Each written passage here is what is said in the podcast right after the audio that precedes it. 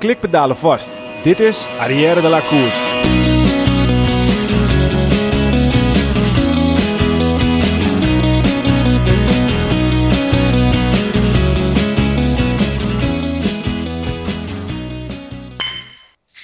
Arrière de la Course wordt mede mogelijk gemaakt door Koerspret. www.koerspret.nl Dames en heren, jongens en meisjes, welkom bij onze podcast over wielrennen Arrière de la Course. De komende podcast gaat over wielrennen, besproken van het oogpunt van drie wielergekken die alles volgen vanaf de bank dicht voor tv.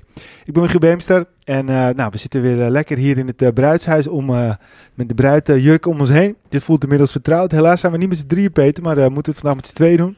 Ja, vervelend. Jammer dat Wilco niet bij kon zijn. Ja, ja hij, had, uh, hij heeft te hard getraind volgens mij. Ja, dat denk ik ook, ja. Ja, want hij is echt, uh, hij is helemaal los. Hij traint zo'n beetje uh, elke zondag minimaal nou, 100 kilometer. En dan is hij wel een beetje 4, 5 uur bezig. Maar ja, hij had gisteren gegraffeld volgens mij in het Veluwe. En het regende nogal, dus ik denk, ja, waarschijnlijk zitten zijn oren helemaal vol met bagger. Ja, kijk, jullie zijn natuurlijk heel fanatiek bezig om te trainen voor hem hem.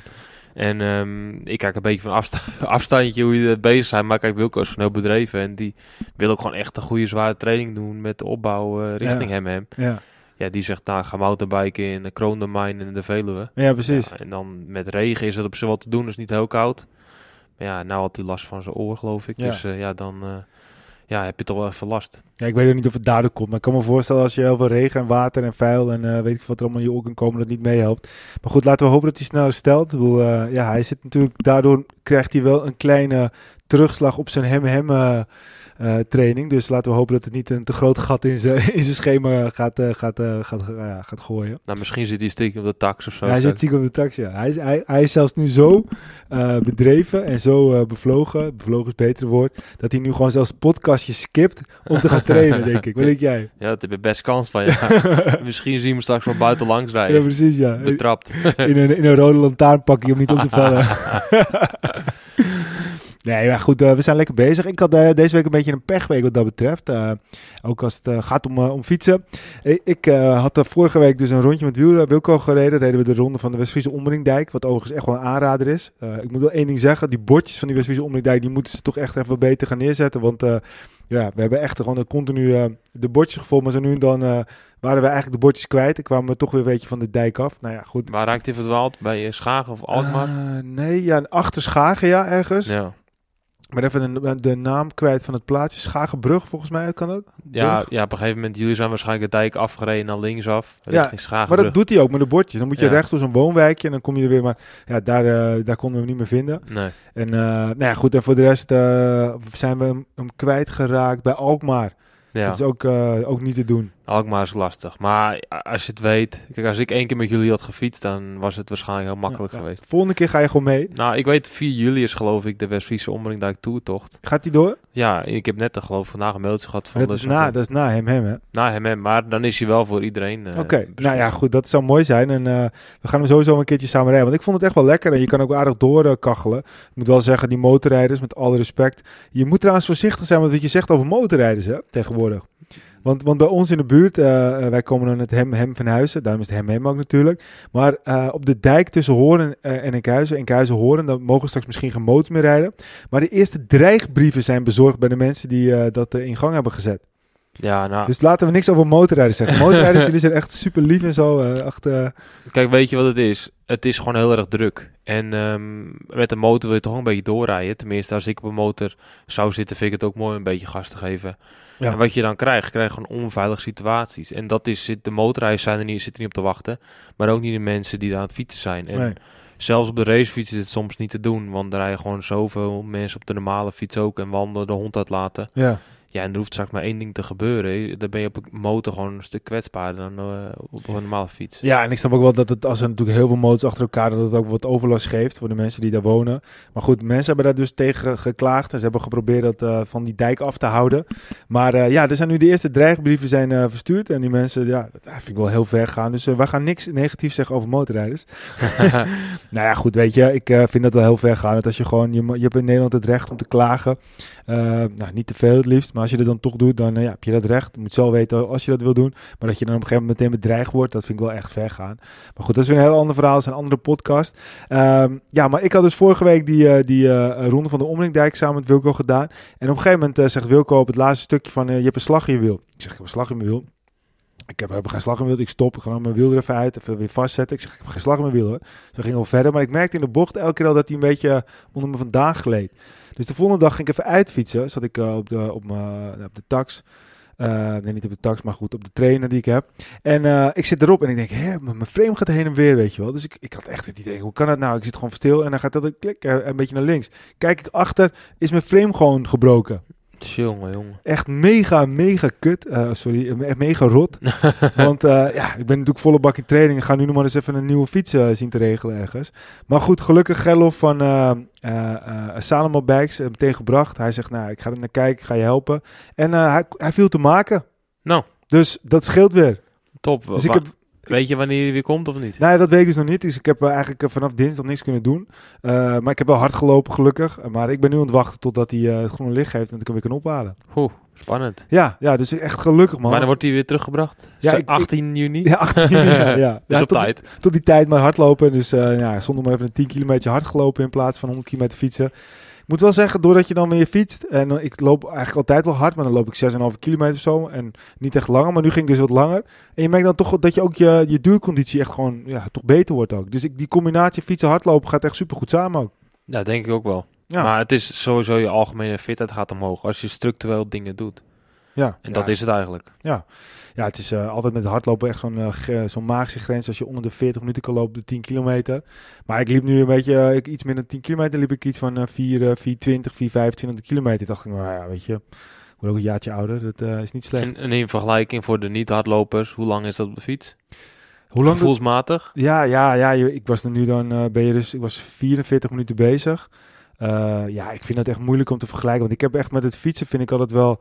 Je kan het ook een beetje aan de calorieën zien. Ik verbrand nu ongeveer 700, 750 calorieën. Dus ja, wat, dus hoe lang zal het de fiets zijn? Ja, hangt van jou. Ander, anderhalf uur of zo? Ja, nou, dat is dus verschil. Sommigen zeggen ook bijvoorbeeld binnen. Als je binnen twee uur fietst, is hetzelfde als drie uur buiten. Ja. En uh, met hardlopen zal het ook misschien zoiets zijn. Ja, maar ja, goed. Als je gewoon puur kijkt naar calorieën, dan denk ik uh, dat, het, dat het een beetje te vergelijken is met anderhalf uur op de fiets of zo. Oh ja. Anderhalf uur, twee uur. Dus ja, weet je. Dus eigenlijk moet je dus uh, 30 kilometer hardlopen. 20 kilometer hardlopen, oh. denk ik. Ja, ja, ja, ja. 20 kilometer, denk ik dat het wel redelijk vergelijkbaar is. En vergeleken met hem, hem? Ja, nee, dan uh, moet je twee marathons gaan doen. Nou ja, dat is ook weer heel anders, denk ik. Want uh, kijk, met hem, hem zit je natuurlijk toch in een groep en uh, je wordt een beetje meegezogen. En met hardlopen zou dat minder kunnen. Ik denk dat, dat, dat een marathon... Ja, wat zou, zou een marathon zwaarder zijn dan hem, hem? Ik, nou, ik weet het niet. Ik denk, hem, hem duurt vooral heel lang. Ja, maar denk je, wat denk je dat dit qua Ik intensiteit... denk, ik, ik denk dat als je zelf als je 12 uur moet handelen, bijvoorbeeld. 12 uur moet wandelen. Ja, Ja, daar vind ik het wel mee te vergelijken, ja. ja. Hardlopen is natuurlijk wel wat anders ja, nog dat weer. is echt maar, wel eh, intensiever. Ik denk dat het misschien een beetje hetzelfde is als drie, vier uur hardlopen of zo. ja, weet ik, vind dat, ik heb nooit een Ja. marathon gelopen en ik weet... Zou je dat niet een keertje willen? Nou, ik, ik kan alleen maar hard. Dus als ik ga hardlopen, ga ik, ga ik gewoon en dan ben ik sneller alles klaar. hard, Ja. Dus, eh, dus ik heb niks met hardlopen, maar eh, ja, ik, ik heb probeer wel eens een Wat, wat is dan de langste afstand die je wel eens gelopen hebt? Oh, ik heb al tien keer met hard gelopen hoor. Maar wat liep je dan? Maar geen idee, niet op tijd. Maar ik weet nog Maar wel hard. gewoon hard. Ging we weer hier een rondje, eh, zeg maar rond, dat is bijna vier kilometer. Ja. En mijn broertje was toen aan het trainen voor de marathon. Die zei, daar moet een keer vol gas. Ik zei, is goed, ik ren je er wel af. Dus ik ben gegaan. Ja, toen kwam ik thuis, kon ik drie dagen niet meer lopen. Ja, ja, ja. ja, ja. Maar ja, dat kan ik wel. Alleen, ja, het is meer dan conditie dan dat ik echt goed hardloop. Ja, dat, dat is ook zo. hoor. Ik, bijvoorbeeld, ik hou erg erg, eh, van eh, padel. Ik weet niet wie dit kent. Ja. natuurlijk steeds populair. Ik doe het al wel een paar jaar. Ik ben een paar jaar best wel minder gedaan. Nu gaat iedereen het doen. En word ik er weer een beetje meegezogen. Maar je merkt dus ook gewoon als je dat een tijd niet doet. Dat je dan ook je spieren weer denk je, jeetje man. Je rug en toch ook wel, wel je benen op een hele andere manier weer aan, aan, het, aan het gebruiken bent. En eh, ja, dat is toch altijd wel weer grappig. En eh, ook dat is allemaal weer mee te nemen in de, in de, in de reis naar Hem Hem. Dus eh, ja, nou ja, goed. In de tussentijd hebben we natuurlijk nog in de, in de krant gestaan. Het Noord-Ons Dagblad. Ehm, ja, eigenlijk, ja, ik heb wel eens het idee wel van wie luistert dat? Wie kijkt nou die krant om? Maar we hebben toch verdomd veel reacties gehad. ja, misschien wel meer reacties op de krant gehad dan op de podcast. Ja, het is echt, het is echt niet normaal. En ook gewoon mensen die dan je taggen en berichtjes van andere mensen van succes. Hele uitdaging. Nou ja, superleuk natuurlijk. Zeker, ja. Ja, dus uh, nou ja, goed. Uh, we, we, houden jullie allemaal weer op de hoogte. Mocht je nog iets willen toevoegen bij hem, hem nou, dat hebben we natuurlijk vorige podcast allemaal al uitgelegd uh, hoe. Dus ja, ga dat of even terugluisteren en dan horen we het graag. we gaan ook binnenkort eventjes de, de final klapper opgeven. Hoe we precies gaan rijden en wat de tussenstops worden, waar we gaan slapen en dat soort dingen. We mogen natuurlijk sowieso nu met een Nederland met een veel grotere groep fietsen. Ja. dus dat is, dat is heel leuk.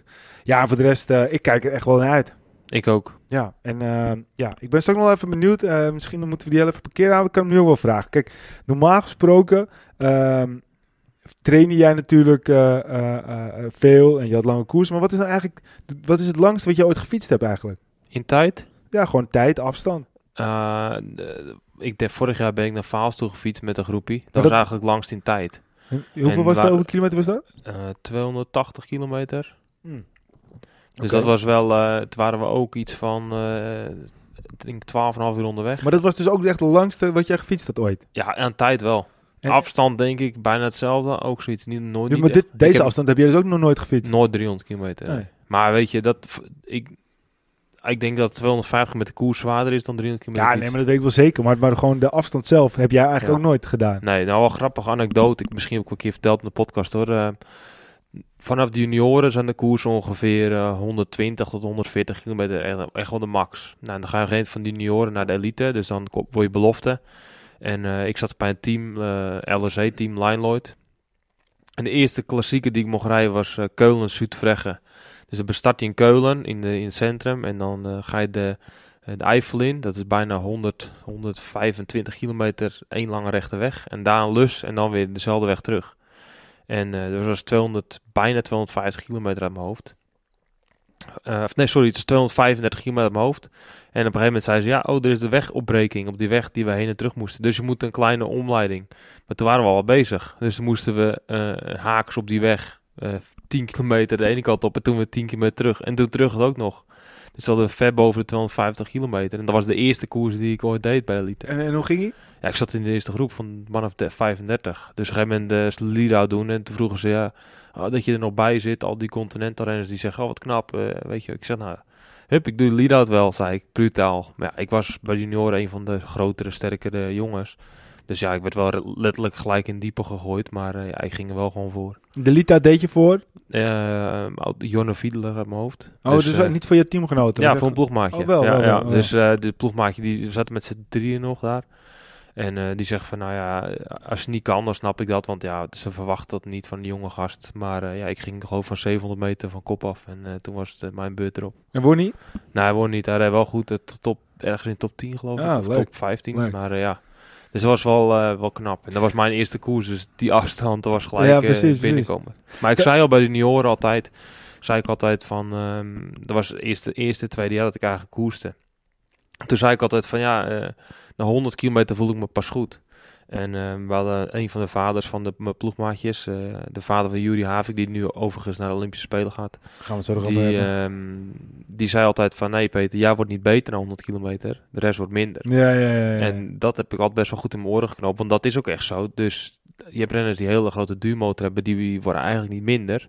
En de renners die wel minder worden, ja, die uiteindelijk vallen af. Ja, en precies, ik werd gewoon niet minder, omdat ik zo'n enorme diesel van nature had. Waardoor ik eigenlijk ook ja, daarna bij de liters voor de lat aan het einde van de koers. Ja, precies. Dus ik wist dat ik aan het begin van de koers iedereen pijn moest doen. En dan zelf ook op het tandvlees bijten. Maar dan weet ik dat bij de rest het kaarsje uitgaat en dat ik dan pas het verschil Ja, precies. Ja, precies. Ja, nou ja, goed. Uh, in hem, hem uh, zal het niet zo'n groot probleem voor jou zijn. Maar het is wel grappig om dan te, te, horen dat het eigenlijk ook iets is wat jij nog nooit hebt gedaan. Uh, meer, dan, meer dan 300 kilometer op één dag op een fiets zitten. Uh, dus ja, dat ge geeft wel weer een beetje een goed gevoel dat we, dat we wat dat betreft uh, niet de enige zijn die dat voor de eerste keer gaan doen. En uh, ja, ik ben ook ik ben benieuwd. Ik heb gewoon vet veel zin in, man. Echt, ik kan eigenlijk niet wachten. En het, het, zal zo zijn dat op de dag zelf dat je denkt van, god, wat hebben we gedaan? Nou, ik denk dat de eerste, na 150 kilometer krijg je de eerste klap, denk ik. Dan is het, ben je vijf uur onderweg.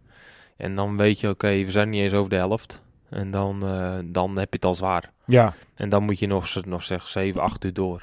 Nou ja, dat heb ik nu ook wel een beetje. Ik train dan, dan eigenlijk elke zondag probeer ik wel een beetje eh 100 kilometer te rijden. En echt op het eind van die 100 kilometer, dan merk ik wel dat mijn benen gewoon wat vol lopen, wat zwaarder zijn. Maar dan fiets je eigenlijk altijd gewoon in je eentje. Dus dat, dat is ook wel wat anders dan in een pelotonnetje natuurlijk. En, Ja. en eh, nu zullen we waarschijnlijk nog 100 kilometer eh, wat gaan eten. eh eventjes wat drinken. Nou, drinken doe je sowieso, maar eventjes gewoon een beetje bijladen. En dan op een gegeven moment weer verder. Ja.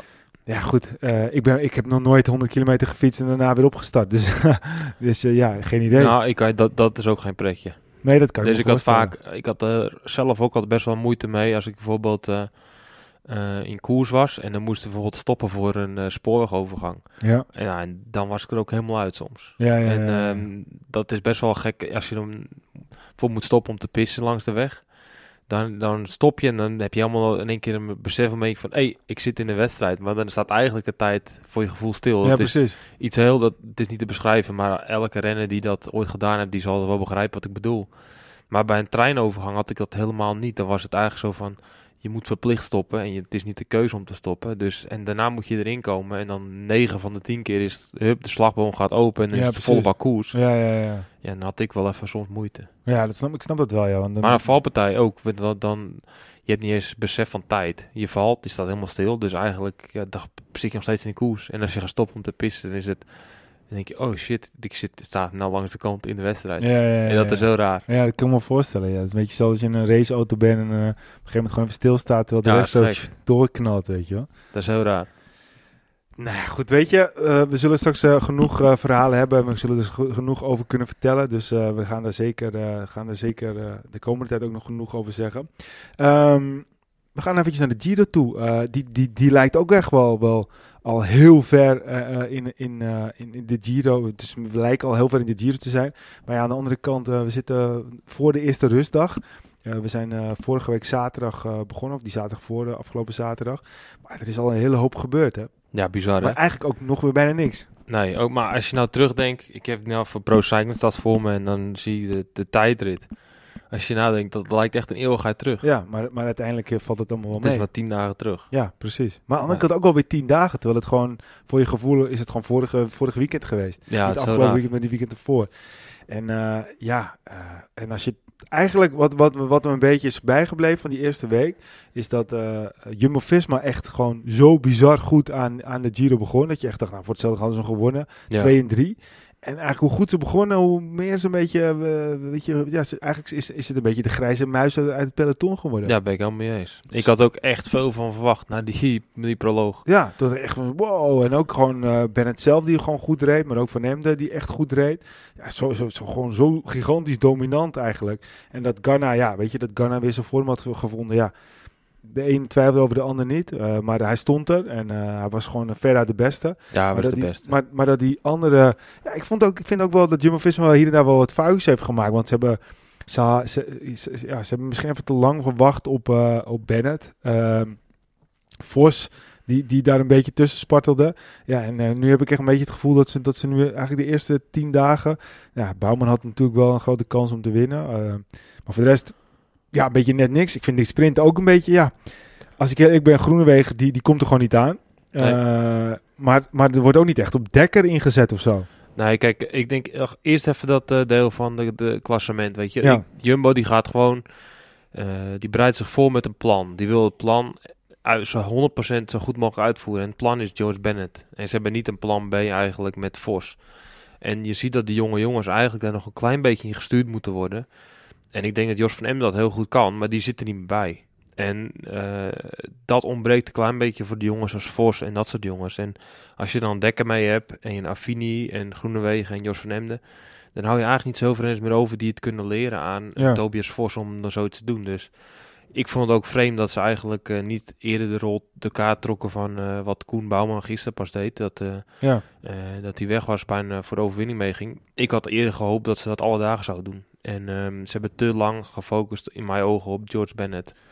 En George die komt er niet aan toe. En dan moet je eigenlijk gewoon zeggen, ik ga veel tijd verliezen en ook geval. Maar eigenlijk wat je zegt, zelfs in de etappe dat, dat Bouwman dus net niet wint, wacht hij ook nog weer eigenlijk een beetje op Bennett. Ja, dus hij weet niet precies wat hij moet doen. Nee, maar terwijl Bouwman toch wel wat de vader en renner is. Maar nog, nog denkt hij van, oké, ik wil eigenlijk Bennett wachten. Terwijl hij gewoon zelf voorop zit. Ja, dus hij kan die keuze niet zelf maken. Nee, maar ik durf bijna te zeggen dat als hij dat niet doet en hij gaat eerder, dat hij misschien wel die etappe wel wint. Had gekund. Want nu wacht hij. Want je ziet gewoon hij wacht. Wilco zei het heel mooi, want we hadden contact eh, tijdens de etappe. En die zei het heel mooi, want die zei... Het lijkt wel of Bennett heel erg aan het inhouden is. En dat hij gewoon continu veel meer kan, maar eigenlijk het niet geeft. Ik had dat idee eh, ook eh, later, toen ik daar meer op ging letten. En hij was op Bennett het wachten, hij nam ook niet over. En op een gegeven moment ging hij. En, en toen zag je dat eigenlijk, ja, hij best wel een inspanning. Hij kwam natuurlijk bij Bouchard. En toen kwam hij uiteindelijk, ja, hij kon 300 meter tekort. Maar ik vraag me af, ja, normaal is uh, Bernal was natuurlijk gewoon verder de beste. Maar ik vraag me af hoe ver hij was gekomen als hij niet had gewacht op Bennett. Ja, dat weet je natuurlijk nooit. Nee. Maar goed, er was even 30 seconden aan de finish. Dus Ja, dat was wel echt eh, niet normaal. Ja, niet normaal, ja. Maar eh, ja, eh, ik ben helemaal eens Jumbo-Visma. En dan over het sprinten. Ik vind dat ze achter de feiten aan het rijden zijn. Ook Davies, ze rijden niet met een plan in de ronde. Eh zijn niet op elkaar ingespeeld. En als ze sprinters in deze tijd, maakt niet uit hoe goed je bent. Je hebt gewoon één of twee jongens nodig die jou eh, zo kunnen ja, piloteren dat je in een positie zit waar je door kan winnen. Ja. Het mooiste voorbeeld vond ik eh, de buist in eh, de, de eergisteren dat, dat Ewan won, of de dag ervoor. Ja. Ewan won die Ja, sprint. zo, dat, dat. Dat is dus alweer, eh, eh, nou even kijken, dat was eh, 14, eh, Was het zaterdag? 14 mei was dat. Dus dat was vrijdag was dat. Vrijdag. Dat, nou, op een gegeven moment dan zit je Ja. in de finale met een heel klein beetje glooiend. En dan zie je eigenlijk dat het chaos is geweest. Want het is lastig draaien een keer. En dan zie je dat Caleb Ewan met 5, 1600 meter voor de finish op kop komt met de buist. Dat is de lead-out van Caleb. En die rijdt eigenlijk, die zak laat tempo zakken. Die kijkt continu omheen. Waar is Caleb? Waar is Caleb? Die voelt hem. En die luistert. Die is, dus uiteindelijk in de sprinttrein heb je commando's. Je geeft commando door gaan of rustig of links of rechts. En die is zo gespitst op het commando van Caleb. Dus als Caleb zegt go, dan gaat hij. Maar ondertussen kijkt hij ook wat er omheen gebeurt. Dus als er een ander komt, maakt hij ook zelf een beslissing. En hij wacht net lang tot Caleb roept go of easy of een van die dingen. En dan zie je dat hoe belangrijk zo'n lead-up man is. Die is eigenlijk bijna meer belangrijk dan de sprinter zelf. En bij, bij Jumbo, dan zit ze keer op keer eigenlijk volledig de plank mis. Dylan Ja. doet zijn eigen dingetje, wat op zich ja, misschien niet heel gek is. Maar hij is gewoon niet 100%. En dan heb je gewoon een lead-out nodig. En ja, Dekker wordt daar nu niet in gestuurd. Die zat eigenlijk misschien op die rol moeten zitten. Of Groenewegen had voor Dekker moeten doen. Eh, wat het dan ook is. Maar er is geen tactiek. Of de tactiek is er wel, maar dat, doen ze niet, dat voeren ze niet uit. En dan zie je op een gegeven moment, een paar dagen daarvoor, dat Jos een, eh, dat Affini op kop loopt te boren met Jos in het wiel. Volgens zit Groenewegen niet eens er, erachter.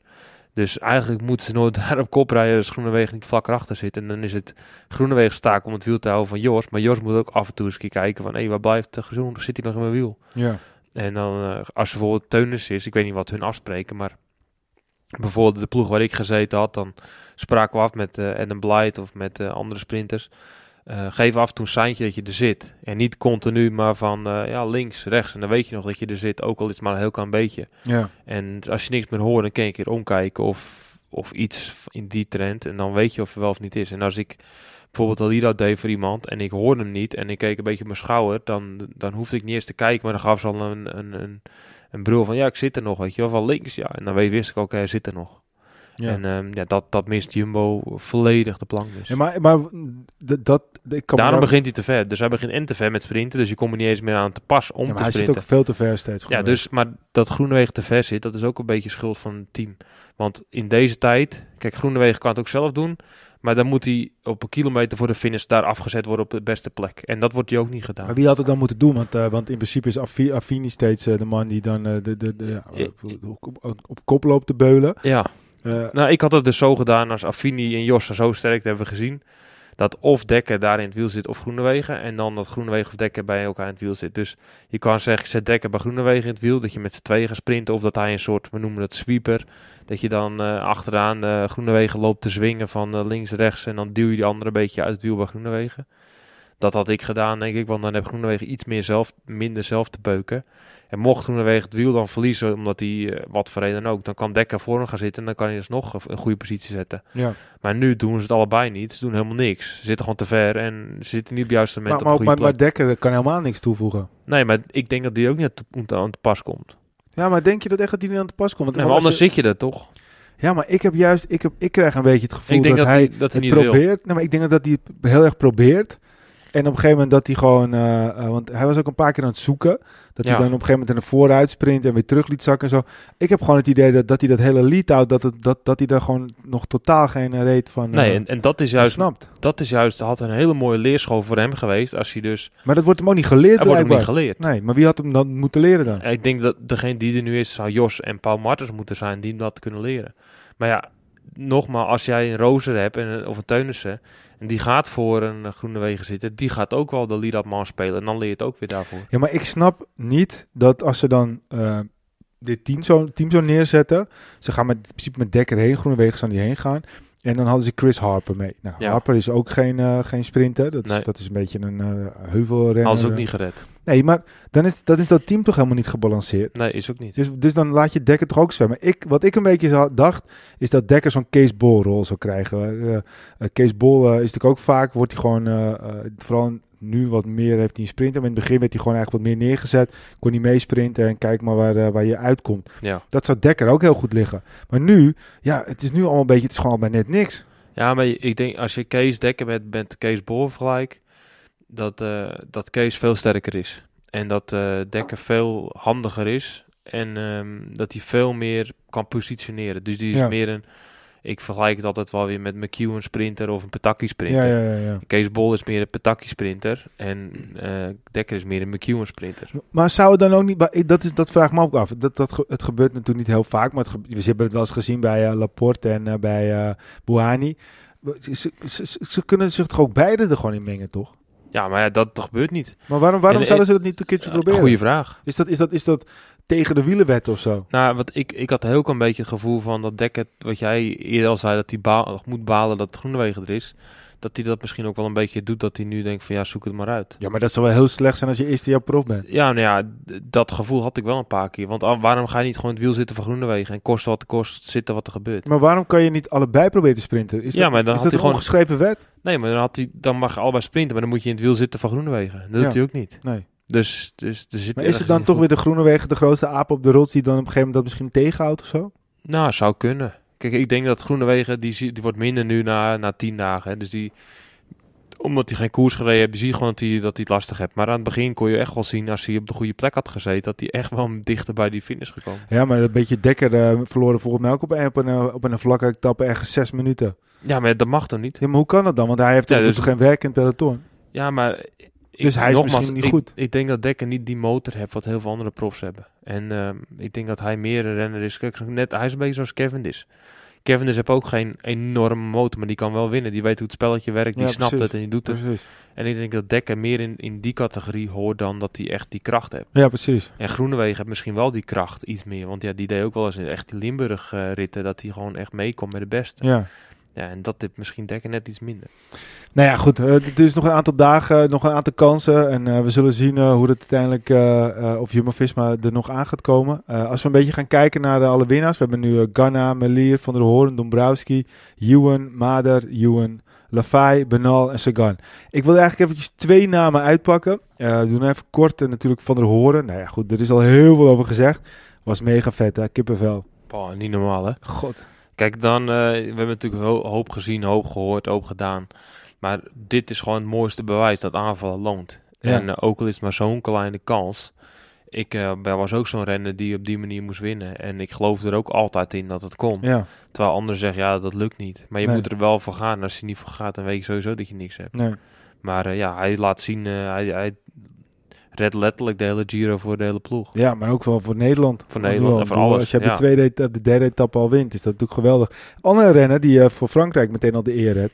Victor Lafay, 25 jaar. Had je wel eens van hem gehoord? Nee. Eerlijk zeggen? Nee, in ieder geval, ja, ik had er van hem, hij was in, eh, in Valencia, reed hij geloof ik goed of niet? Ja, ja hij, hij rijdt dit seizoen sowieso wel redelijk, eh, redelijk goed. Ja, dat had ik wel gezien. Maar, maar eh, Victor Lafay, ja, ik, eh, ik had er niet van hem gehoord. En het is ook niet zo dat hij één goede dag had. Want eh, hij was de zondag ook, zat hij ook weer in een van de eerste kopgroepjes. En dan reed hij ook eigenlijk weer heel makkelijk. Dat ik dacht, zo, Ja, sterk. je kan zomaar ja, toch, maar, toch uit het niets weer een stapje maken. Het is een beetje zoals de, de Vuelta die ik toen reed. hè, Dat op een gegeven moment dan gaat de kopgroep haalt het een paar keer. En Ja. dan krijgt iedereen het gevoel van, eh, shit, de kopgroep die kan weg zijn. Ja, En de Vuelta die ik toen deed, was dat Ineos eigenlijk gewoon continu het de touwtjes in handen hield. Vroeg nog de voorsprong. Dus er was ook elke keer een hele grote kopgroep. ja, En nu was het, het ook een beetje zo van, die kopgroep het al zo vaak gehaald. Eigenlijk bijna elke keer. Ja. Op, op Benal na dan. ja, ja, ja. ja. Dat eh, iedereen ook mee wil zitten. Nou, want je ziet Ghana, nou, eh, dat is een, was een tijdrit. Eh Melier, sprintje dan. Van der Hoorn eh, weg in de kopgroep. Dombrowski weg in de kopgroep. Ewan sprintje. Me- Meider eh, kopgroep. Eh Ewan eh, natuurlijk sprintje. Eh Lafay kopgroep. Ja, Eh. Bernal, eh, ja, net aan, geen, geen, eh, maar eigenlijk ook weer heel ver. En Sagan, ja, kan je ook weer een beetje zien als een, eh, ja, als een- tussenrit. ja, eigenlijk. als een tussenrit. Bedoel, hij, heeft een heel deel gelost. Eh, er komt nog een valpartijtje door Max Kanten, waardoor hij er komt. Wat ik ook wel eens echt wel weer vet vind, dat Sagan toch weer wint, weet je wel. Ja, het is heel ook wel een beetje dikke vinger in iedereen van... eh, hij had nu voor het zevende seizoen achter elkaar een etappe in een grote ronde gewonnen. Dat is niet normaal. Ja, dat is toch gewoon... Ah, ik, ik ben nogal fan van hem hoor. Hij is gewoon een van de, misschien wel de beste renner die nog steeds rondrijdt. Nou ja, goed, misschien is hij niet de beste renner, maar hij is wel een grote renner, een van de grootste renners. Maar Ja, dat maar, is on- onze discussie die dan altijd weer voorgaat. Wat is het beste? Nou ja, ik vind op dit moment eh, een Pogacar vind ik beter dan een Sagan. Ja, maar dan kan ik, ik kan ook zeggen dat een Pitcock misschien nog beter is dan Pogacar op dit moment. Ja, nou ja, goed, dat kan je zeggen, ja. Dus zo, zo blijft het. Maar als je ziet wat die afgelopen dat tien jaar, Poel ook noemen. laatste tien jaar laten zien, dat is echt... eh, Als het om de laatste tien jaar gaat, is het de grootste eh, renner van de laatste die nog jaar. steeds rondrijdt. Die nog steeds rondrijdt, zeker. Maar ja, aan de andere kant, eh Kevin Dish die ook weer wat wint, is dat dan Ja. niet... Ja, dat blijft natuurlijk. ja, Met drie keer wereldkampioen op rij eh, gaan we een tijdje door. Dat, eh, dat gaat voorlopig niemand doen. natuurlijk. Nee, goed, dus dat zijn dan de etappenwinnaars die we dan hebben. Dan, eh, ja, eh, ik vond ook op zich wel eh, Meder. natuurlijk ook mooi dat hij won, helemaal naar het Parijs-Nice debakel. Dat hij nog op het eind net Ja. eventjes door de Roglic voorbij werd gestreven. Je zou bijna ook zeggen, Roglic heeft hem misschien net dat laatste zetje gegeven om een etappe in de Giro te winnen. Nou, ik denk wel dat voor veel renners dat we mee meetelt. Ja, als je dus... ehm, kijk, tuurlijk win je liever dan dat je verliest. Maar als je dus op zo'n manier wordt geklopt, dan... Ik ging altijd dan trainen een beetje met de agressiviteit, zeg maar. Dat je denkt van, fuck, het gaat me volgende keer niet gebeuren. Ik moet een beetje harder trainen. Ja, Ja, en dan stap je misschien net even sneller je fiets op van eh, dat je echt getergd bent om nog, Ja. nog meer te doen. Ja, en dus dat, dat die 1, 2 procent nu wel meepakt, ja, dan pak je gewoon een grote rit. En dan is je maar wat blij dat hij het hier gewoon Ja, weet en ja. niet daar. zeker. Dat denk ik ook. Als je mag kiezen, dan is het duidelijk. En als we dan toch eventjes een stapje maken naar de bergtrui, want dat is dan ook denk ik een van de eh, andere punten waar Meder ver gaat komen. Wa- wa- Wie denk jij dat daar eh, nu een hele goede zaken in gaat doen? Eh, ik ga hem er even bij pakken hoor. Dus we hebben geloof ik, eh wat is het, Bouchard die dan eh, veel punten pakte gisteren. Ja, Bouchard heeft hem nu op zijn schouders Nou, inderdaad, ja. Benal staat er ook eh, pittig goed, voor- goed voor. Ik weet niet precies hoeveel aankomsten bergop gaan nog zijn, maar... Nou ja, goed, hij zal genoeg punten pakken. Maar denk je dat, denk- het, dat het een klassement dingetje wordt? Of denk je dat zo'n Meder daar wel... Ik denk dat nog veel openlegt. Als je nu ziet hoeveel er tussen staat, dan gaan er wel openleggen. ja? Nou ja, kijk, Bouchard die gaat er natuurlijk voor en mede gaat zal er ook voor gaan. Maar eh, kijk, Bouchard staat op 51 punten, Benal op 48, Meder op 44 en dan Bouke op eh, 23. Maar eh, ik denk niet dat... eh dat er kan zomaar iemand zijn die nog straks twee keer, drie keer veel punten pakt. Als ze twee keer 20 punten pakken bijvoorbeeld, dan eh, zit je alweer ertussen.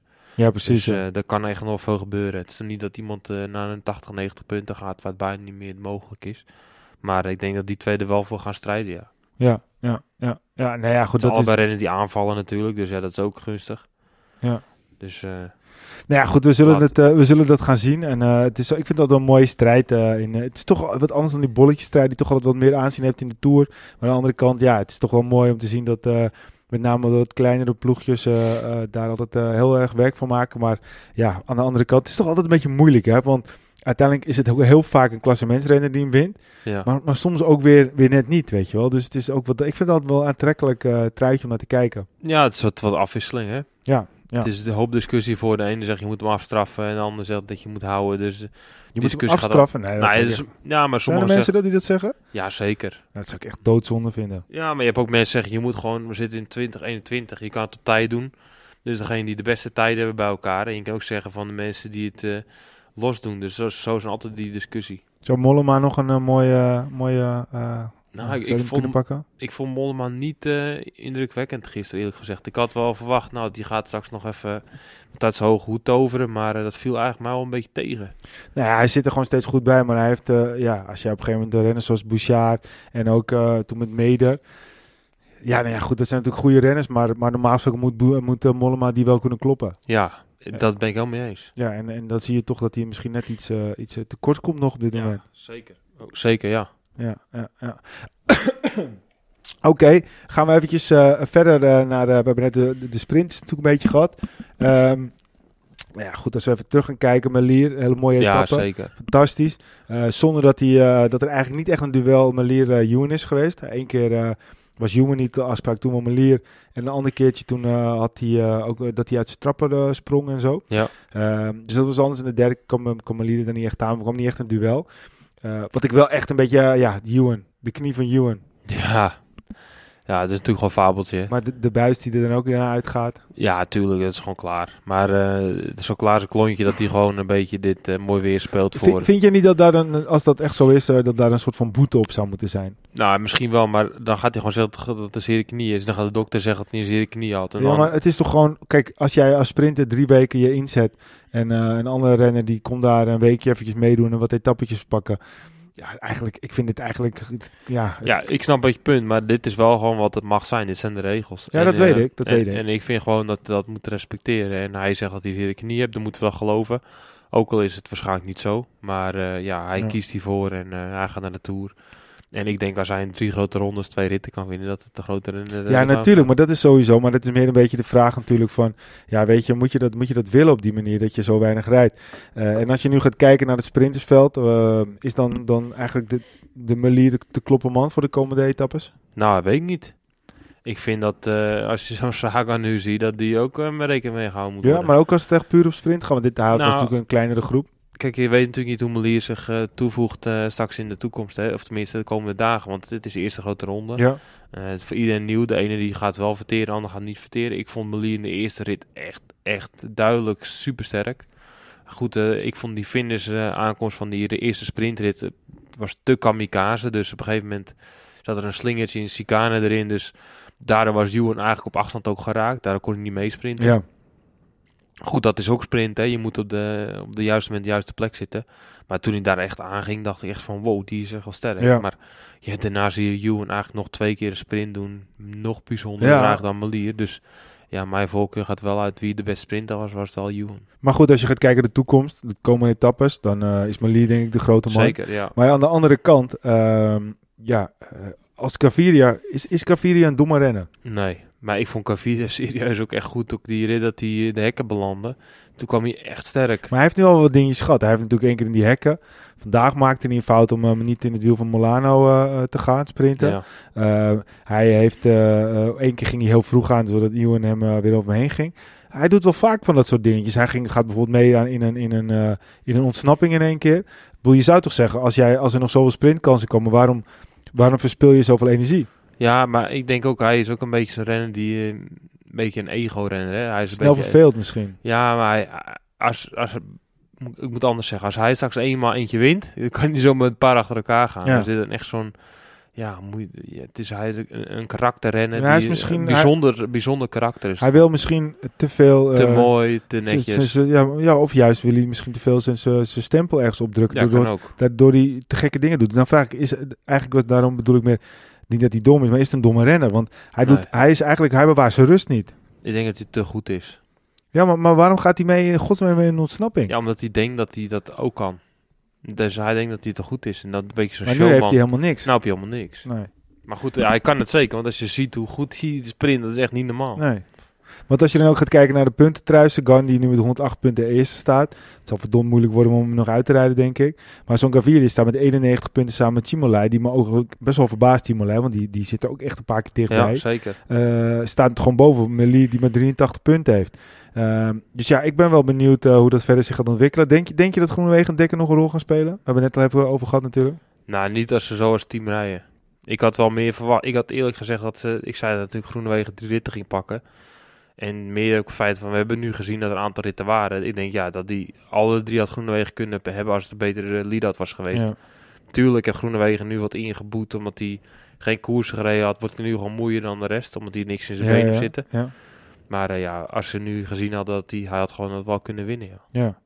En, en moet het niet zo zijn dat Groenewegen één keer voor Dekker gaat rijden? Nou, ik vind het prima, maar ik denk niet dat Dekker... eh, Dat hij, hij komt tekort. heeft. Dekker komt ook Ja. tekort. Oké, oké. Nou ja, goed. eh, we gaan het eh, wat dat betreft natuurlijk allemaal nog eh, zien de komende tijd.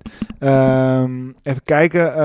nou, dan de klassementsrenners. Als je nu gaat kijken naar het, het klassement, is het zo dat, dat Bernal 14 seconden voor staat op Evenepoel, 22 seconden op Vlasov, eh 37 op Sicone. Dan, dan staat Valter er met 44, Carty met 45, Caruso die toch weer er weer tussen staat. Is ja, Caruso. zeker. Op 46, de, Dan Martin, die overigens, ja, die me echt alles meevalt. Op 52, Yates op eh, 56 en Formelo op 1, eh 1-2.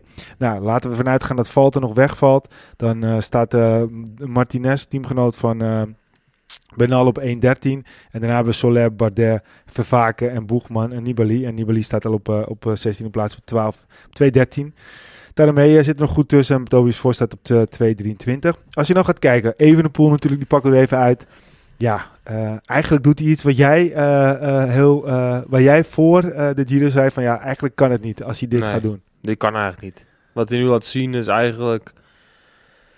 Ja, moet niet zeggen buitenmenselijk, maar eh, ja, hij verrast wel echt iedereen. Denk je nog dat hij En- er door gaat zakken? Hij- Ik vermoed, dat, ik vermoed dat wel, ja. Dat hij straks in één keer een minuut aan zijn broek krijgt, omdat hij gewoon klaar is. Ja. En ik denk ook dat hij zijn eer aan hemzelf dan gaat houden en zegt hij gewoon, ja, het ging niet meer eh, klaar. Niet dat hij blijft aanklampen. Kijk, Mollema, stijl, die zou gewoon net zo lang doorklampen tot ja die... maar, eh, maar zou hij dat doen Evenepoel? Want, want, Ik denk dat Evenepoel in één keer dan gewoon parkeert en klaar. want je zag ook met die etappe die Benal won. Daardoor er gebeurde wat waardoor hij wegzakte. Dacht oké, het is klaar voor, voor Evenepoel. Maar als je ziet dat hij nog terugkomt. Ik zou wel eens die tijden willen zien met het laatste stuk. Maar Ja. volgens mij rijdt hij gewoon nog eh, na Benal gewoon verder. Het snelste, dat laatste stuk. Ja, het hoor. leek dat hij lek reed. Ik zei, hij rijdt lek. Want eh, ik zag dat er op een gegeven moment eentje die straks motor stopte, erachter. ja. En die wou afstappen. Dus ik denk, oh, daar heeft iemand een materiaalpech. Ja, precies. En daar, daar let ik best wel snel op. En dus ik denk, nou, even in de pool, die is klaar. Die heeft lek gereden. en krijgt niet dezelfde tijd, want het is berg op aankomst. ja. Dat is gebeurd. Maar ja, toen in één keer zat hij weer tussen.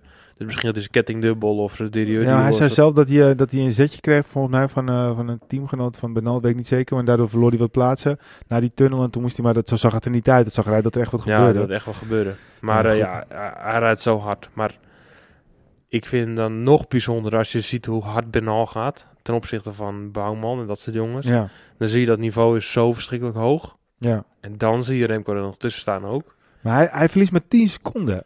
Dat is niet normaal. Ik heb namelijk het idee dat hij op een gegeven moment verder achter ligt en dan nog maar 10 seconden verliest. Dat hij bijna nog terugkomt op Benal. Ja, ik vind... eh, Ik sta wel nog steeds perplex wat hij allemaal laat zien. Ja, En ik denk niet dat hij... Het, zou- ik zou het echt bijzonder vinden als hij dit vol kan houden. En ja.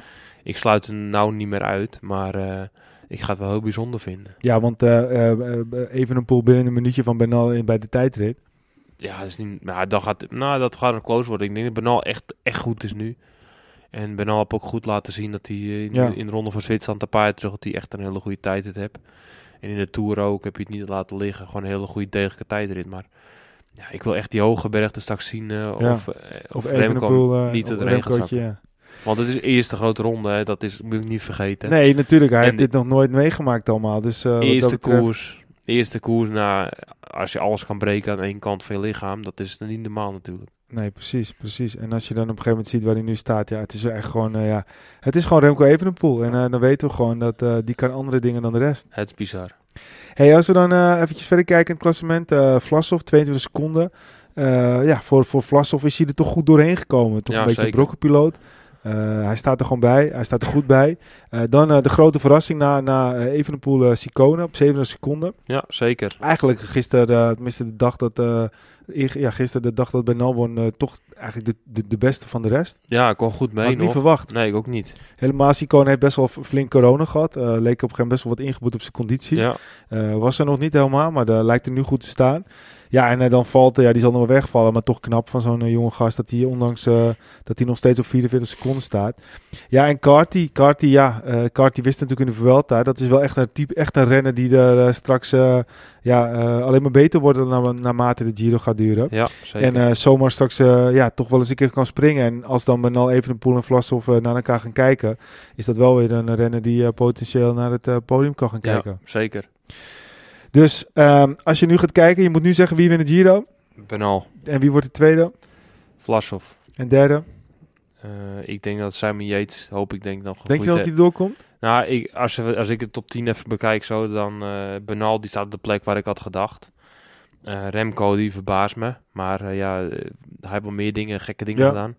Uh, Vlasov die had ik wel top 5 ge- verwacht, dus die staat ook wel op plek wat Ja. ik had gedacht. Chicone die verbaast me, ik had misschien top plek 10 gegeven, Ja. maar die staat er gewoon goed tussen. Al moeten we wel zeggen, het is nog niet echt klimwerk geweest natuurlijk. Nee, maar goed, eh, dat, dat is, hij verbaast me. Op dit moment Ja, staat hij zeker, goed knap tussen.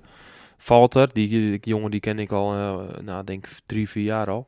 Hij zat bij de opleidingsploeg van eh, CCC en daarvoor zat hij ook nog bij zijn opleidingsploeg. Ja, En ehm, daar heb ik een aantal keer tegen gereden. En toen deed hij al een jongere trui en zo in die koersen vorig jaar, of nu is het, eh, 2019, dat ik nog koerste in Ronde van Hongarije, was hij daar in de jongere trui. En ja, toen had ik hem al in de gaten van, ja, dat is echt een goede jongen, die wordt wel beroepsrenner. Ja. En, ehm, ja, die staat er ook gewoon goed tussen. Die kan goed bergop, die had ik echt wel lang mee nog. Daar gaan we nog meer van zien.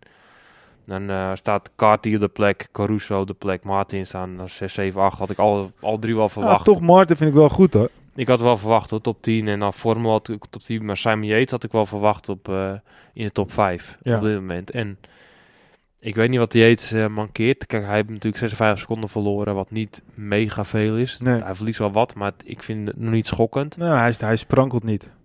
Maar als ik zie bijvoorbeeld, ik denk wel, als, het, als hij dus focust op die derde week, waar hij andere jaren minder op had, waar hij ook eigenlijk zijn Vuelta eh, op won, dan eh, gaan we hem nog zeker wel zien. Ja, En- dat, dat gevoel heb ik ook wel een beetje. Maar En of, het, dan- of het dan nog genoeg is. Ja, en dan ga, je, dan ga ik een beetje filteren. Dan ga ik bijvoorbeeld zeggen, eh, Remco, die voor mijn gevoel, hè, dat normaal gezien gaat die wel een minuut verliezen. Of meer. En dat Chicone gaat wel verliezen op Yates. Valter gaat verliezen op Yates. Cartney, dit zou misschien net aan kunnen. Maar die gaat wel, eh, die zou het in principe af kunnen leggen. En die zit eigenlijk maar 10 seconden tussen, tussen Yates. Hè. Ja, En ehm, als Yates een keer wel met een groepje sprinten bergop, dan kan hij nog een winnen heeft voor hij 10 hem al seconden. natuurlijk, Ja, ja. Dus dan schiet hij er één keer overheen. Dan sta je opeens op het podium. Ja. Dus eh, ik denk dat Yates wel, eh, die moet wel even meer laten zien. Maar dat is voor mij nummer drie. En zoals Bardet, want Bardet staat nu op 1,21. lijkt in een hele goede vorm te zijn. Het zal me niks verbazen die ook zomaar boven komt drijven. Het kan, zeker top 5 rijden. Maar het is wel, eh, Bardet is wel zo'n renner die, ehm, ik denk het toch wel belangrijk is bij het team. Dat het relaxed is. En Ja. ja, we weten allemaal bij DSM is het niet helemaal eh Nee, je van het dit nee het moment. is toch niet de ploeg waar je op dit moment graag wil rijden. Kijk, en ik denk zo'n Hindley en zo, die jongens, ja, dat, die zitten natuurlijk wel eh, bij DSM, waar eigenlijk toch, toch niet echt het gevoel of moraal hoog is. En ehm, ja, ja, dat, dat zit ook bij Bardet natuurlijk. ja. Maar goed, ik eh, verwacht ook, ik vind eh, bijvoorbeeld Louis Vervaken vind ik een goed teken dat hij er op plek 15, op plek 14 staat. Die staat ook nog echt dicht nog. En Boegman, die, als hij door kan komen in de laatste week, kan hij ook zomaar. Mijn Dark Horse. Ja, maar het kan zomaar nog. Wie, wat was ook weer de Dark Horse van Wilco? Geen idee. ja, ik weet het nog wel. Moskou. Moskou. Harm van Hoeken. Oh. Nou, die heeft niet helemaal zijn Giro eh, tot nu toe. Dus, eh nou ja, goed. eh, ik weet niet wat ik gezegd had, maar... nee, ik maakt ook niet Ik weet alleen van Wilco dat het, dat het niet... dat, dat het Harm van Hoeken al snel... Dat is, ik vind het wel bijzonder dat Harm van Hoeken zo slecht rijdt ten opzichte van vorig jaar. Ja, vind ik ook. Maar goed, je weet niet wat er gebeurd is. Hè? Dus het kan natuurlijk ook Ja. last hebben van een klein pijntje. Dus misschien... En wie gaat je nog verrassen de komende twee weken? Goh, goede vraag. Nou, nog- Als iemand me gaat verrassen, is het misschien Remco. Remco. En, en gaan we nog een Nederlandse eh, overwinning pakken? Als we even naar Nederlands Nou, ik kijken. vond- het, het kan altijd, hè. Maar eh, ik denk, eh, die kans is niet heel erg groot. Niet maar, eh, Mollema, die groeit misschien. nou, het zou mooi zijn. Ik hoop het natuurlijk van harte. Maar eh, op dit moment heb ik er niet van... Ik had van Mollema de grootste kans. Ja. Nou, die maakte niet echt indruk nog op mij. Ik denk eh, eh, dat we nog zeker eh, minimaal één etappe winnen. Kan ook wel eens twee zijn. Met Mollema? Mollema sowieso en, eh, en eh, Dekker. eh, nee, dat ga ik nu nog een keer zeggen. Nee, Mollema sowieso. En ik denk ook ja, dat we nog wel een keertje. Dat Mollema misschien nog wel een keertje kan, kan raakschieten. En anders misschien nog een andere Nederlander die daar ver kan Bouwman, als die die vorm blijft doortrekken, is hij gewoon ook een goede kans hebben. Waarom zou hij het niet vaak kunnen? Als je zag hoe sterk hij was, is dat een mooie, ja, zou dat mooi zijn voor de, voor de toekomst van, van de Giro. Eh, en eh, ja, eh, ze hoeven nu ook niet voor iemand anders meer te rijden bij Jumbo-Visma. Dus die jongens krijgen gewoon wat meer kansen. En als ik ga kijken, ja, wat, wat, wat, wat verwacht ik nog? Ik verwacht dat er natuurlijk, ja, helaas, er gaan nog een paar jongens uitvallen uit de top 15 door een valpartij. Zie je eigenlijk elk jaar en dat gaat dit jaar ook zeker weer gebeuren. Zoals je Sivakov zo makkelijk eigenlijk, eh, eh, niet makkelijk bedoel, maar je, je ziet maar weer, het kan zomaar voorbij zijn. Wat Sivakov met Landa, hetzelfde verhaal natuurlijk. Die, er natuurlijk die, die misschien wel de kans van zijn leven had. Al is Bernal natuurlijk wel heel goed. Ehm, maar ja, je ziet dat het zomaar voorbij kan zijn. Moritz gisteren ook, die knijter dat op zijn waffen gaat. Dus ja, ik denk dat er nog wel een paar mannen tussenuit gaan vallen. En dan, eh, ja, dan konden we sowieso eh, nog wel weer eens wat, eh, wat gekke mensen in de, in de top 10 krijgen. Die ja, boven zichzelf uitstijgen. en waar moeten we aan denken? Nou ja, goed. Misschien dat Vos nog wel een stapje kan doen. Eh, misschien een Nick Schultz die nog een stapje kan zetten. Maar ja, dat is allemaal een beetje eh, Ja. wat als. Maar we Ja. zullen het zien. Eh, we gaan de Giro afronden. We kijken nog heel eventjes vooruit naar wat andere dingetjes. En een van de dingetjes, uh, Tommy Dumoulin. Ja, fantastisch. Ja, was echt mooi nieuws, hè? Ja, zeker. We hoopten natuurlijk al een klein beetje, hè? maar ja, het is gewoon super mooi dat hij er nog bij is. En Ja. ehm, wat het gaat brengen, de toekomst voor hem, dat moet natuurlijk, blijft een groot vraagteken. Want ja, die druk, eh, daar, dat was zijn grootste struikelblok. En Ja. ehm, kijk, nou gaat Olympische Spelen eh, voor de tijdrit. Ik denk dat het echt een hele goede keuze is. Je kan in principe zonder druk, eh, de druk die je zelf oplegt, dat is de Tuurlijk, enige druk. Je hebt geen druk van je ploegmaten. Nee. En als je iets fout doet, doe je het zelf fout en voor jezelf. Hij gebruikt Ronde van Zwitserland als opbouw daar naartoe. Ja. Ik hoop dat hij daar een vrije rol kan gaan en dat hij misschien een keer een rit kan winnen voor Ja. zijn moraal. Maar eh, ja, wat gaat daarna ook gebeuren? Hij, zal geen, hij zal niet meer ingezet worden als kopman van een, van een grote ronde. Nou, je weet het niet, hè. Dus eh, ik sluit het niet uit, maar ehm, ja, dan komt er weer die druk kijken. En dat is juist zo moeilijk. Ja. Dus eh, ik denk ook van, ik, Ik- hoop dat hij heel goed kan ik rijden. denk dat hij dat niet meer wil. Nee, maar ja, wat ga je dan doen? Als, kijk, hij is voor veel, veel muntjes binnengehaald volgens mij bij Jumbo. Afkoopsom, salaris, eh, al die toestanden. Ja, wat is dan, wat gaat er gebeuren met Nou ja, als, hij, als hij een keer in zo'n tour eh, nog eens een keer een etappe weet te winnen. en Hij kan eh, een gooi doen aan een tijdritzege. Ja. Ja, maar is dat dan een aantal miljoenen waard? Ik weet niet hoeveel miljoen het is, maar... ja, dat weet ik niet. Dus als dat is als de vraag. uiteindelijk dan half Nederland daardoor bij Jumbo boodschappen gaat doen wel. Maar ja, dat, Nou, dat- is dat zo. Precies, dus ik denk dat die gouden medaille, als hij die zou kunnen halen, dan is het bij Jumbo feest. Ja. Maar is dat realistisch met een Ghana? Ja, Ja? ja. Kijk, Peter Koning. Weet, Zeg, weet je, het, het grote... ver- lekker goud pakken. Kijk, Tokio. Ghana is op onder die 10 kilometer, is Ghana echt gewoon magistraal. Dus als je ziet wat die, die proloog... Eigenlijk komt er gewoon iemand aan, niet eens in zijn buurt. Die 10, 10 seconden is echt een gat. Ja. Echt, echt, echt veel. En ehm, op een lange tijdrit kan er nog veel meer gebeuren. Je pacing, je doen, je aerodynamica. Ik denk dat Tom nu de windtunnel in, windtunnel uit, windtunnel in, windtunnel uit gaat. En die gaat alleen maar aerodynamica zo goed in al zijn trainingen, alles gefocust op die Ja. tijdrit. En ik denk dat hij daar echt eh, een hele grote voordeel kan hebben ten opzichte van Ghana. Ja. Kijk, hij gaat misschien wat koershardheid missen van die grote ronde als de Giro. Maar ik denk dat Tom wel echt op zo'n moment goed kan focussen. En Ghana zou het ook kunnen, maar ja, ik, moet, ik, ik denk wel dat Tom eh, heel dicht in de buurt komt. Ja. Maar goed, eh, we hebben in, in Rio we het ook. En maar Ja, toen kwam Cancellara nog even eh, om de hoek Nou ja, eh, goed, brommeren. Wat daar gebeurd is, dat, eh, dat eh, zien we misschien weer in een, ooit in een andere tijden sport. Nou, dan zien we, kijk, nu eh, is het zou ook een andere kunnen wezen die dat zou kunnen. Maar, Ja, maar of dat Cancellara tegen... Ik, eh, ja, ik weet het allemaal niet. Ja, je mag toen niet speculeren, maar eh ja, maar het is wel heel bizar. Rowan Dennis zou bijvoorbeeld kunnen staan. Of Dennis. Remco Evenepoel, of weet ik van wie wat. eh, zeker, zeker. Vice Dus, eh, Victor? Nou, die zal niet heen gaan, denk ik. Nee. Nee. Nee, hij gaat niet heen voor mij. Van Aert eh, en, eh en Evenepoel. Nou ja, Van Aert zou ik een eerder kans geven dan. Ja, kan hem ook zo maar goed, die als er naartoe gaan, het is allemaal een beetje lastig, is het. Dus eh, ik ben heel nieuwsgierig hoe het uit gaat pakken. Oké, ehm, dan eh, gaan we even naar de nieuwe Kids eh, Turbo. Eh, en eh, waarom zeggen we dat? Eh, eh, Mitchell Dokker, die stopte mee. Ja. Die ken jij nog wel, hè? Ja, ik heb in Australië natuurlijk twee jaar gefietst bij Drapak. En eh, het was ook een van de renners die bij Drapak eh zat. En ehm, ja, wel grappig, zijn vader was eh, bij ons altijd kok. En Oké. eh, ja, die was altijd... Kijk, die is gewoon... Als je in Australië bent... Je hebt in elk land wel een verzorger die echt gek is. Die bekend staat om van, nou, als je daarmee Had hij ook zo'n gek kapsel? Zijn vader het lijkt bijna een kopie van hem. Oké. En ehm, op een gegeven moment eh, was het een beetje anekdote. Waren we in het buitenland in Japan. Het regende keihard buiten en ja, op een gegeven moment stond hij tegen die, al die partners te en- entertainen. Stond hij in zijn korte broek te dansen op zijn slippers en een beetje gek te doen. en toen eh, ging hij zich eigenlijk opdrukken in een plas met water. En op, niet op zijn handen, maar op zijn polsen. Dus deed hij zijn handen dubbel vouwen. En dat hij zeg maar ja, aan- de bovenkant van zijn hand, daar ging hij op rusten. Hij stond in de plas. En dan ging hij schreeuwen. I was fighting in the war in Vietnam. I was fighting. en dan ging hij zo schreeuwen in die paar meer op een kruispunt. En wat is dit? Het zei, ja, dit is Dokker. En ik zeg, oh, is dat de vader van Mitte Dokker? Ja, de vader. Oh, ja, nou, en toen wist ik precies met wie te maken had. ja, En ja, toen kwamen ook al die verhalen van Mitch, eh, dat hij ook zo is. En eh, superleuke dingen. Ja, want hij heeft ook een, eh, een eigen podcast, toch? En jij Ja. zei ook, gaf al meer keer aan, dat is echt eigenlijk de leukste Engelstalige podcast die je zou moeten gaan luisteren. Ja, kijk, eh, Mitch die, had, die is eigenlijk ook heel vroeg begonnen. Hè? Misschien was je net als... Ja, wij waren een van de eerste, maar hij was ook zeker die tijd erbij. En had die podcast live in de peloton. Dus eh, vanuit het peloton ging hij dingen zeggen. En dan was het niet over de koers, maar over wat er omheen gebeurde. En lu- laatst luisterde ik een podcast van hem. En dan ging, over de, ging met de teamarts ging hij praten over hoe eh, renners zijn ten opzichte van andere atleten. En dat ze dan misschien wel echt hard zijn als ze een keer gevallen zijn. En dat ze met een gebroken been doorfietsen. En dat de arts dan soms de keuze moet maken of ze wel of niet door mogen gaan. Dat de renner eigenlijk altijd wil dat hij door mag. En eh, dat is wel moeilijk. En zegt dat is in wielrennen ook apart volk. Dus zeker een aanrader om eh, te gaan luisteren. Maar eh, ja, die heeft echt een leuke podcast. Ja. Nou ja, dat is even noemenswaardig. Ik bedoel, eh, samen met eh, Shane Archibald eh, is het toch altijd wel een van de meest opvallende. Ja, en, en hij heeft natuurlijk een grote snor. En dat doet hij omdat hij een groot litteken heeft op zijn bovenlip. Hij is een keer echt hard gevallen. Ah, oké. En sindsdien heb je eigenlijk een snor. En dat lijkt hij op die nieuwe kids Ja, gasten. ja, het heeft ook zo'n rare mat in zijn nek. Ja, en hij heeft zo'n zo'n petje, want in de jaren negentig was er dan echt die wielenpet. En die moest zo hoog mogelijk op je hoofd staan. En dat noemden ze Luft.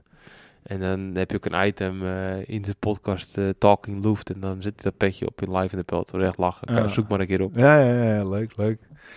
Nou ja, goed, ik vond het wel even noemenswaardig. Iets anders wat echt opviel, eh Grijpel wint weer eens een keertje een ritje. Ja, Dat is, ik vond ik echt wel, want hij sprintte dus tegen Christophe. ja de good old Grijpel. Nou, zo Ja. zie je maar. Moet je, dat soort gasten moet je nooit afschrijven. Nee. En ehm daar is het, hij mag hoort bij de oudere generatie. Ik eh, ben echt blij dat die oudere generatie, zoals Sagan, die hoort er niet helemaal bij. Maar ja, die gaat toch wel richting, eh, die is ook 30, 31 nu. Dus ja, die is toch wel bij de oudere mannen. En ik moet nog maar zien of al die jonge gasten zo lang carrière gaan krijgen. En ehm, dat Zeker. Grijpel nu wint, dat vind, ik, vind, ik, ik gun het hem ook. Het is gewoon echt mooi om hem te zien, eh, te zien winnen. Ja, maar het is ook wel mooi dat, want hij, hij leek, reed natuurlijk een beetje verloren bij al wat jaartjes. Ja, Eh is de Franse dienst en nu dan opgepikt eh, weer door de World Tour. En dat hij Ja. dan toch iets wint. ja, Ja, dat moet hem zelf ook echt, echt gewoon gigantisch goed doen. dat denk ik ook, ja. Ja, dat was mooi. Ehm, dan eh, de Olympische Spelen. Eh, nou, voor Nederland gaat het natuurlijk eh, sowieso weer heel mooi worden. Oh, en als wij kijken natuurlijk naar de sport op twee wielen. De baansprinters die, die, die, die, die, die volle bak voor goud gaan. En dan is er nog wel eigenlijk een, een, een andere mooie strijd die we echt wel ook wel zagen opleiden de laatste tijd. Dat is Van de Poel tegen Pitcock. Ja, de ene kant denken we, nou Pitcock is weer beter. Maar misschien zit hij ook een beetje anders in zijn in schema met de opbouw en dat soort dingen. Van de Poel is natuurlijk net begonnen. Maar aan de andere kant, Pitcock rijdt ook niet zo heel lang nu weer op de mountainbike. Maar dat wordt wel een strijd, hè. Niet normaal. En we hadden hem bijna ook niet eens gezien eh, in, eh, in eh, Tokio. Want eh Juri Eindse van uh, Wielenflits had een heel mooi betoog. of betoog, een heel mooi stuk geschreven. Dat er een bepaalde renner, voor mij was het een Hongaar of zo. Nee, Roemeen. Roemeen. Die moest een bepaalde... Top 25. ja, moest die, moest die finishen. En dan mocht Groot-Brittannië heen om dat export... Nou ja, het, het is al wel pure, pure UCI-waanzin zijn, maar Ja. het, eh, het was zo. Maar het is uiteindelijk gelukt, dus eh Pitcock mag heen. Maar nu is het wel ook zo dat er nog een andere Brit is die ook eventueel nog een kans maakt. Maar ik kan me niet voorstellen dat ze Pitcock niet eh, zullen laten gaan. Nee. Eh, dus, maar, maar dat is dan wat daar aan de hand is. En eh, dus die strijd zijn we zien. En eh, ja, aan de andere kant, je moet die Zwitsers ook nooit afschrijven natuurlijk. Maar ik eh, zeg dat Pitcock kop en schouders favoriet voor de Olympische Ja, Spelen. ja. De- Hij was, dit is niet normaal, hè. Als je ziet vorige week al, die, kijk, je moet zo zien, al die mountainbikers, die hebben ook piekmoment dit seizoen. Vorige week en deze week is gewoon een meetmoment voor alle mountainbikers. ja, maar Van der Poel heeft toch een hele andere opbouw. Ja, maar dan is Van der Poel de enigste. Maar kijk, Van der Poel heeft net zoveel gedaan als Pitcock. En die heeft ook misschien wel rust gehad of Pitcock niet. heeft langer, langer doorgereden, dus die, zit, die is later begonnen. Ja, maar ja, doe het maar eens. Ja, natuurlijk, maar, Ik heb hem ook zien crossen in, eh, in januari op het WK. ja, nee, maar dat ben ik met je eens. Dat ben ik Dus het is, het is gewoon lang en, en de week rust gaat echt niet zoveel verschil maken. Nee. Tu- Tuurlijk wel een beetje, maar Pitcock was echt heel erg goed. Het was moet- niet dat hij gewoon goed was. Dat hij, Nee, ja, hij was echt supergoed. Ja. Hij was veel beter dan Van der Poel. Ja. En dit En was ook was- een parcours op Tokyo leek, hè? Hij was echt... En maar dan ten opzichte van die motorbikes die in topvorm zijn... Nou, als je deze vorm hebt niet spelen, dan gaat niemand toe kloppen. Nee. Nou ja, nee, dat, dat niet. Maar ik denk dat Van der Poel nog wel een stukje beter wordt. En eh, maar goed, we hebben gewoon weer een mooie strijd. Zeker. En het is niet dat Van der Poel eigenlijk bijvoorbeeld de grote favoriete was. Dat was hij helemaal niet. Want er zijn ook gewoon die Zwitsers die ook gewoon andere jaren Ja. nog eh, volop... Hij is geen wereldkampioen en al. Dus dat, dat, eh, dat is zeker aan de gang. Kijk, en ik denk ook de gasten uit Groot-Brittannië heeft ook een, een verleden met Olympische Spelen. Als zodra Olympische Spelen is, net als Amerika, dan gaan ze allemaal een stapje harder, een stapje Ja. beter. En ik denk dat Pitcock dat zeker ook heeft. Ja, dat is toch raar dat ze dat dan, eh, dat ze dan tot dat zo onprofessioneel hebben aangepakt. Want ze hadden bijna dus niet eens gereden. Nee. Maar Dat- goed, ik denk ook niet dat ze Onprofessioneel, dat, dat ze Nou, bijna... ze hebben niet bij stilgestaan, denk Nee. ik. En bij samenloop van omstandigheden kwam dit er zo uit. En dan was die wildcard misschien net niet voor hun. Maar ja, ze ziet vorige week al dat die vanaf plek, eh, weet ik veel, honderd en nog wat... eh, bewijzen van naar plek 5 stormt. Ja. En dat hij nu iets beter startpositie heeft. En dat hij gewoon van de poel gewoon aangaat. Dat hij gewoon gelijk moet passen. En dat hij zo verschrikkelijk hard wegrijdt. En pakt Ja. gewoon een dikke minuut. Ja, maar je zag wel bij Van der Poel dat hij toch echt wel zijn rug een probleem is. En dat daar wel, wel wat wringt. Maar ja, aan de andere kant, hij was gewoon de beste pitcock. En we gaan Ja. het in de gaten houden. Iets anders eh, rond de Olympische Spelen, wat toch wel bizar is om te zien, eh, is ja, het feit dat eh, eh, het Nederlandse team bekend is gemaakt. Dumoulin sowieso erbij. De ene kant de verrassing, andere kant niet. Maar eh, ja, de andere man die op de weg is, dat wordt uh, Juri Havik. Daar hadden we het net al even over. Ja, Ja, die moet daar toch ook wel straks een beetje wat verloren bijrijden, lijkt mij. ja, bizar hè. Ja. Ja, ze hebben eh, de Nederlandse, Nederlandse selectie, zeg maar, met alle, alle wieleronderdelen bij elkaar, mogen maar zoveel mensen heen ja, sturen. precies.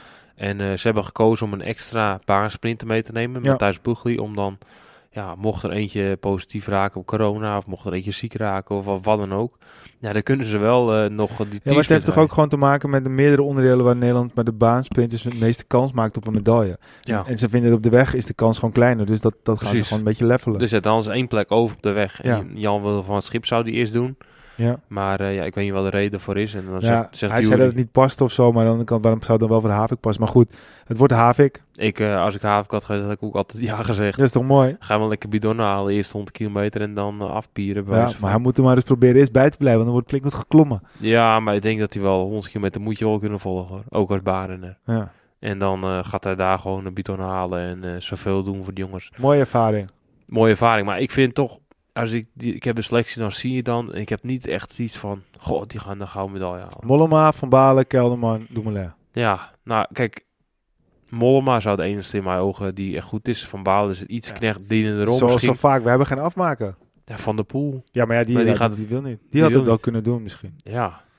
Maar Ja. het is altijd lastig. Maar misschien hadden ze zo'n Iris Schelling mee moeten nemen. Ja, maar ik denk, we hebben niet in Nederland echt, echt een renner die dat heel goed kan. Nou, zo'n Iris Schelling heeft wel de potentie om ook kan goed aankomen. Nou, misschien Mike Teunissen. Ja, maar, maar waarom Schelling niet bijvoorbeeld? Ja, maar dat, die is nog zo jong. Ja, ja. Die, die, ik denk dat Groenewegen, of uh, eh, Teunissen, die zou op zo'n aankomst, als hij goed in vorm is. Ja, Maar ook problemen. klimmen. Veel Nou klimmen. ja, ja, maar goed, die heeft al zoveel gereden al. Die Nou ja, de Tour gedaan en die heeft uh, geel trui gehad. Ja, Die heeft al wat Toen hij ervaring. geel werd, kon hij niet over de eerste kleine klimmetjes heen. Maar goed, het gaat niet gebeuren. Dit is, het, eh, dit is de selectie. we gaan Eh, het zien. het is mooi voor Havik, denk ik, met name. Ja, En ik ze het nemen ook. het blijkbaar niet heel serieus. Ah, grappig, hij woont hier niet heel veel vandaan, hè? 20 kilometer. Nou, misschien kunnen we een keertje bellen. Ja, Woont hij in Avanhoorn? nou, aan voren. Oh ja? Ik Ja. wist helemaal niet dat hij in Avanhoorn was. Ja. Oké, nou, we gaan op volgende keer eens even bellen. Ja, is goed. West-Fries onder elkaar. Ja, gaan we doen. Import West-Fries is het dan, hè? Hij komt uit, uit Ascendel Ja, of Ascendel, ja. maar hij woont nu in... eh, Nou, in- We gaan hem, eh, anders misschien kunnen we rond de Olympische Spelen even een keertje bellen. En dan kunnen we eens eventjes uh, uit horen over zijn, eh, over zijn Olympische Ja, droom. is goed. Goed, Peter, eh, laatste woord. Nou, ik kijk uit naar eh, de Zonkelan. Ja, Zonkelan, hem, hem. Hem, hem. Het is sowieso, want we houden ook van voetbal. Het is een maandje, hè, nog. Dus, eh, Ja, maar we houden ook van voetbal. Dat hebben we het nooit over, dat maakt ook helemaal niet uit. Maar wat er allemaal aankomt. ja, Jeetje. Hoop dat alles wat er al is. Ik krijg er helemaal een beetje zo'n zo'n heerlijk gevoel. Zo'n Giro, Tour de France, Olympische Spelen, voetbal. Door veel. Hem, hem. Heerlijk. Ja, zeker. Wilco, je bent er niet, jongen. Maar eh, Laatste je- woord aan jou. Laatste woord aan jou. Zorg dat je oor snel weer herstelt. De, eh, misschien heb je hem nu ook, eh, gaat het al wat beter en dan hoor je ons in, in je oren. En dan is het een soort van oormassage en hopen we dat het snel hersteld is. Misschien Als je- je stiekem gefietst. hè? Als je stiekem gefietst hebt, dan ben je echt een rotzak en dan vergeef het je nooit. Goed, we gaan afsluiten. Dames en heren, bedankt voor het luisteren. Volg ons op Facebook, facebook.com slash Arielle Koes. Twitter, arrière C, Instagram, podcast, Arrière la Course. En ga ook eens kijken op onze website www.arrièredelacours.nl. Bedankt voor het luisteren en tot de volgende Arrière de la Course.